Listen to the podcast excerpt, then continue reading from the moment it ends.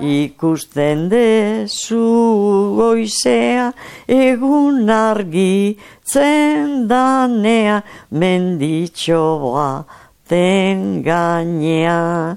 Etxetipitxo, hain Etxea, ondarea historia mintzoa. Etxea, bizitokia izateaz gain, lantokia, bizitzaren ardatz, eraikin ezberdinak, kultura berbera, euskararena. Etxea liburuan oinarrituta, samar ikerlariarekin solazean.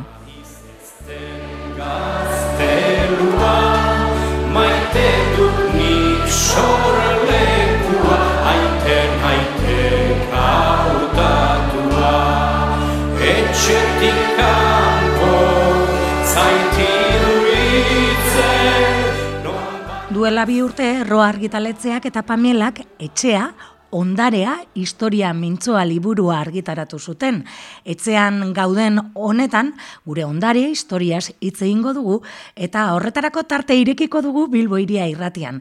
Euskal Herriko etxeak izan dira, herrietako antolaketaren oinarri, hogei garren mende arte, eta ondarre hori horri balioa eman, eta etxek, herritarrei, eman dieten izena eta izana, astertzen joango gara, horretarako, samar daukagu gurean, etxea, liburua oinarri dugularik, batarte hau irekiko dugu. Hau pa, samar? Kaixo, moduz? bueno, hemen etxean dano bezala, eta gaurkoan, eta tarte honetan, ba, esan dakoa ez, e, gure ondare eta historiaz e, jardungo dugu, ez, e, duela e, bi urte, 2008an, ez, etxea, ondarea e, historia mintxoa liburua argitaratu zenuen, Eta horri tiraka joango gara tartetxo honetan, ez? Etxeak e, garrantzitsuak izan direlako, ez? E, gizarte tradizionalean, ez? Bai, bai, dudik eta eta e, nik bere iztuko nuke, ba, hor lehenbiziko gauza, etxea ipatzen dugularik heldu zaigu burura eraikina. Mm eraikina, eraikina landa bada e, erakunde bat, ez? E, Euskal gizarteak sortzi eh, bederatzi mendetan e, ide, erranen esanen dut e, ireik, eraiki da e, etxearen inguruan ez? Mm etxea erakunde bat zen euskal e, gizartearen oinarrizko erakundea hortan oinarritzen zen gizarte osoa ez? horregatik hainbeste garrantzia izan du beti gure kulturan ez? Mm Gainera, bizitokia baino gehiago izan da, ez? E, etxea bai. eraikin hori, ez? Bai, e, bai, erakundea. E, bai, gaur egun, pensatzen dugu, bizitoki bakarri bezala, ez? Mm Baina, e, erakunde bezala, eta e, eraikina gero ikusiko egon ekin eki urrengo saiotan, ba, e, evidenteki izan da, lantokia, nekazal mundu batean, nekazal eta beltzain mundu batean izan denez, tradizionalki gure kultura, ba, Europako guziak funtzean, ez? Ba, hori gauzatu egiten zen e, e, etxetan, espaitziren lantokiak, ez? Eta ikusiko dugu gainerako ofizioak ere bai, ez? Ba, berdin e, e, militarrak eta horregatik zautzen ditugu etxe izena kapitanena edo sargentorena edo, edo berdin ofizioena, ez? Zurginarena edo la, la arostegia edo oie denak etxetan e, bururatzen ziren lan oie guztiak. Eta gero oso berezia jendeak ez du zautzen, baina etxea ere hilerria izana da. Ah? Ta, bai, eta honek mm -hmm. badu, badu e, zenai handia, ez, e, oso interesgarria. Zen erakusten baitu eriotzak zertokia zuen gure, gure kulturan. Eta iruditzen zai importantea dela bai. Mm begira lantokiena eta nekazal munduan, ez, e, ba, lanbide batekin zerikusia zuela eraikina bai, baina hilerriarena egia ezan e, deigarria egin zaigu, ez, e, irakurri e, dugu, ez, hilerria ere izan dela, eta beti pentsatu izan dugu e, hilerriak e, herrian e, ba, edo liza alboan edo e, egon direla, bai. ez?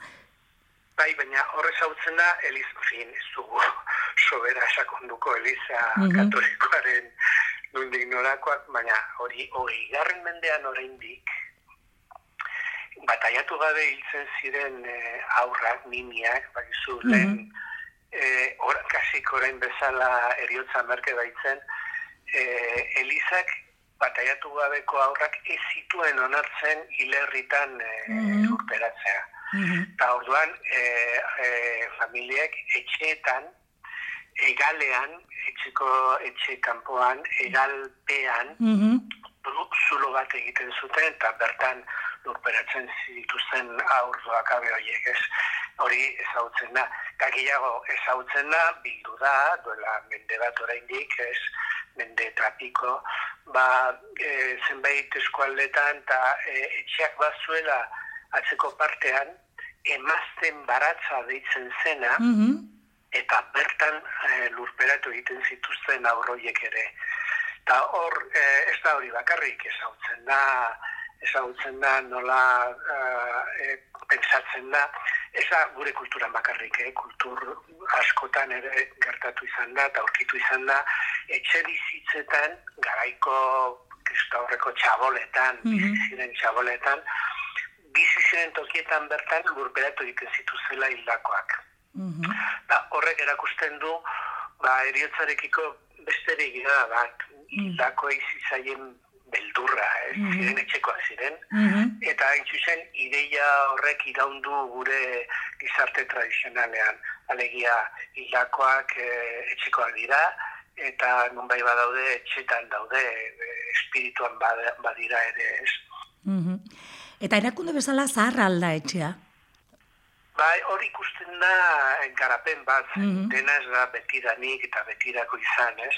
Eta pensatzen da Euskal kultur tradizionalean, ba, emeretzi garren mende bitartean, hoi garren mende sartu eta arte iraunduen horretan, ba, amaika garren, milagarren urtean, amaika garren mendean, eta amabos garren bitartean garatu zela.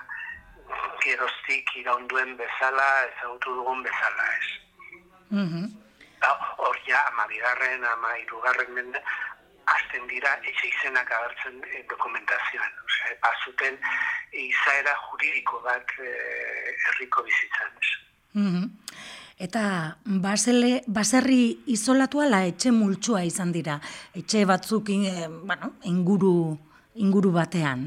Bai, Ba, hor, hor ere denetari dago eta topiko bada pensatzea, bakizu, baserri solatua, mm -hmm. idealizatua, gaur egun bereziki baserri solatu hori izan dela lehenago herriak baino, eta ez ez da hola aldea mm -hmm. da, eh? gainera baserri asko bereziki bizkaia eta eta e, gipuzko aldean auzotan bilduta egoten dira, ez mm -hmm. daude hain isolatuak mm herri herri barnetik, ez? Eta gero ikusten da, ba, beste toki esko, eskualdeetan, baserriak azkenak direla azke, azki berriak. Alegia, logiko den bezala, ba, behitu bada adibidez e, beran, Nafarroko beran egindako ikerketa batean agertzen zen, ba, aserri isolatu hori buruan duguna, ba, e, izenetan e, ikusten zen borda bukatzen zutela beti. Adibidez, etxe berriko borda, mm. elizaldeko borda, eta horrek erakusten du hiri barnean, eliza inguruan, gune hortan dauden etxen bordak zirela. Hasiera batean, mendian zituzten bordak zirela.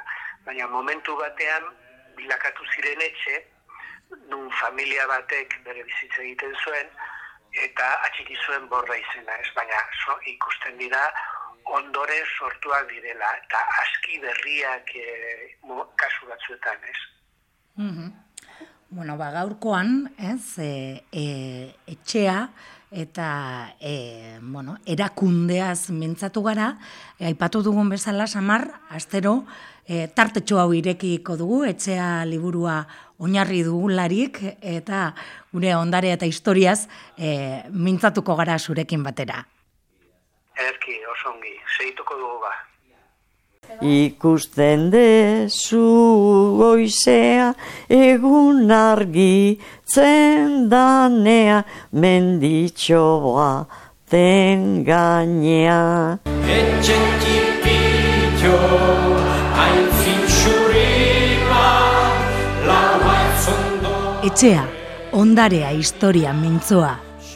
Etxea, bizitokia izateaz gain, lantokia, bizitzaren ardatz, eraikin ezberdinak, kultura berbera, euskararena. Etxea liburuan oinarrituta, Samar ikerlariarekin solazean.